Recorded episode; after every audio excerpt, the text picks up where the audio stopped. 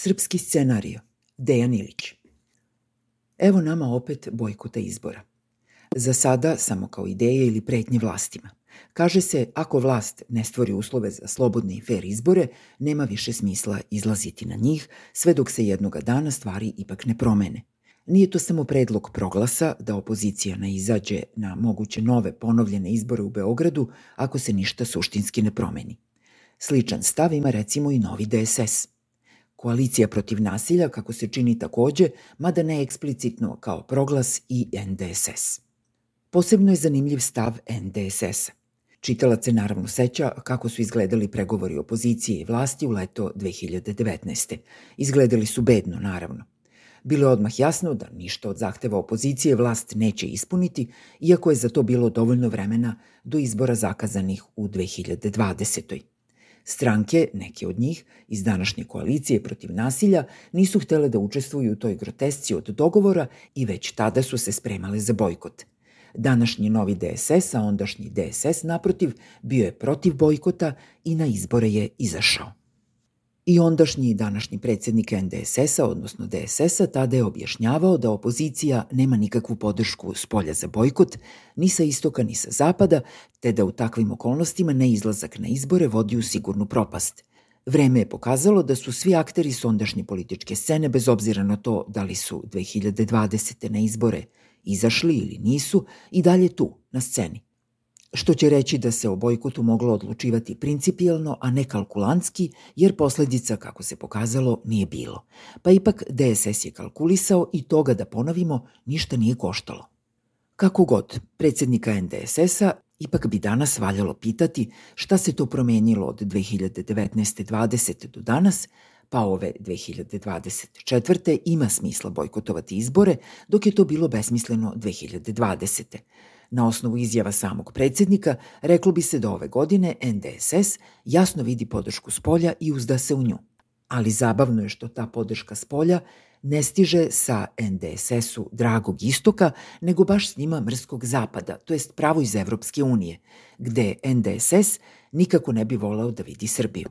I koliko god da NDSS i njegov predsednik osporavaju ispravnost politike Evropske unije i prema Rusiji i u vezi s Kosovom, Ispada da nemaju ništa protiv kada taj isti EU radi u njihovu korist i može pritisnuti tekući režim da prestane da krade izbore. Dobro, rekli smo još te 2020.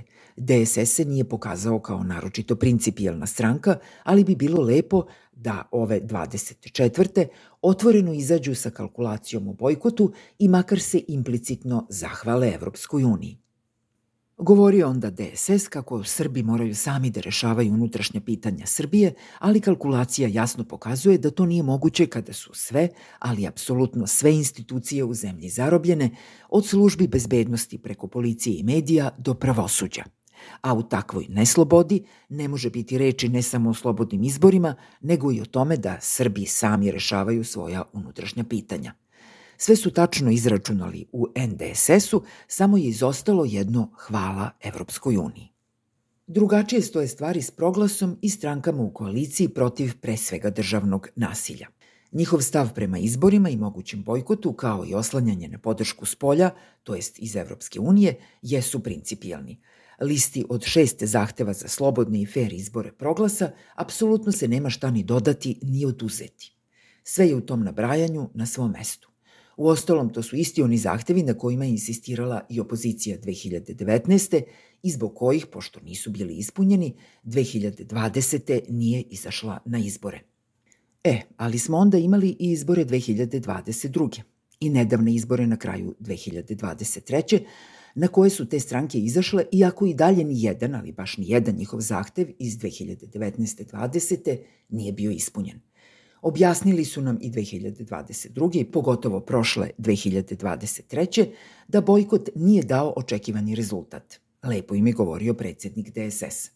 Da se ne mogu bojkotovati izbori u nedogled i da se i na izbore 2022. i na izbore 23. naprosto mora izaći. Ruku na srce bili su u pravu.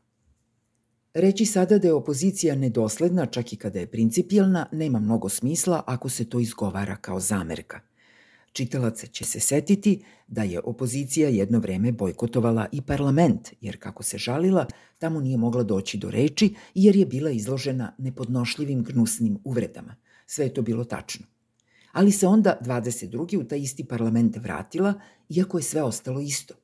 Niti je imala prostora da više govori, niti su uvrede prestale ali su se stvari ipak pomerile i došli smo do izbora iz 2023. i boljeg rezultata opozicije nego na izborima 22. Sve to da bismo se sad, par meseci posle izbora koji se nisu smeli bojkotovati, Naglasimo ovde da je upravo proglas i nastao kao platforma sa koje su se građani pozivali da izađu na izbore, bez obzira na to što oni neće biti ni slobodni ni fair, vratili na ideju bojkota i ponovnog postavljanja zahteva da se napravi političko, medijsko i zakonsko okruženje za slobodne i fair izbore kao uslova da se na njih izađe. Dakle, opet isto pitanje. Zašto su proglas i stranke iz koalicije protiv nasilja ponovo promenile mišljenje? Odgovor je opet isti zato što se oslanjaju na mogući pritisak Evropske unije pod kojim bi režim mogao popustiti i stvoriti uslove za poštenije izbore. Drugim rečima, Evropska unija se sada pokazuje kao izuzetno bitan faktor u domaćoj izbornoj jednačini. Šta god nam pričao novi DSS o našim problemima koje moramo sami da rešavamo, sasvim je očekivano da akteri s polja imaju veću ulogu od domaćih aktera. U zemlji u kojoj su svi resursi potrebni za ozbiljan politički rad i uspešnu izbornu kampanju pod šapom. Šapa zvuči nekako blago, možda kriminalnim kanđama režima, pomoć se neminovno mora tražiti s polja. Nema ničeg izdajničkog u takvom političkom dovijanju u iznutici. Samo o svemu tome mora se razgovarati i sa čvrstim pristalicama opozicije i sa njenim potencijalnim novim biračima, jer sada imamo zabunu. Bojkot se naizmenično odbacuje i vraća kao dobro političko rešenje za vršenje pritiska na režim. Treba odmah reći, bojkot sam po sebi kao instrument pritiska na ovaj konkretni režim besmislen je. Naprosto ovaj režim nije briga ni za šta, pa ni za to da li će opozicija izaći na izbore, a još manje mari za ocenu da li izbori jesu ili nisu bili legitimni. Adresat pretnje bojkotom očigledno je izvan Srbije. Jeste, poruka je upućena Evropskoj uniji i sada čekamo da vidimo reakciju. Teško je predvideti kakva će ona biti, ali baš u tome jeste stvar i to mora biti drugi deo objašnjenja. Kada nasprem sebe kao političkog suparnika imate kriminalni režim koji ne preza ni od čega, vi naprosto ne možete unapred da izračunate i predvidite šta će biti rezultat vaših poteza. I zato morate da probate razne stvari.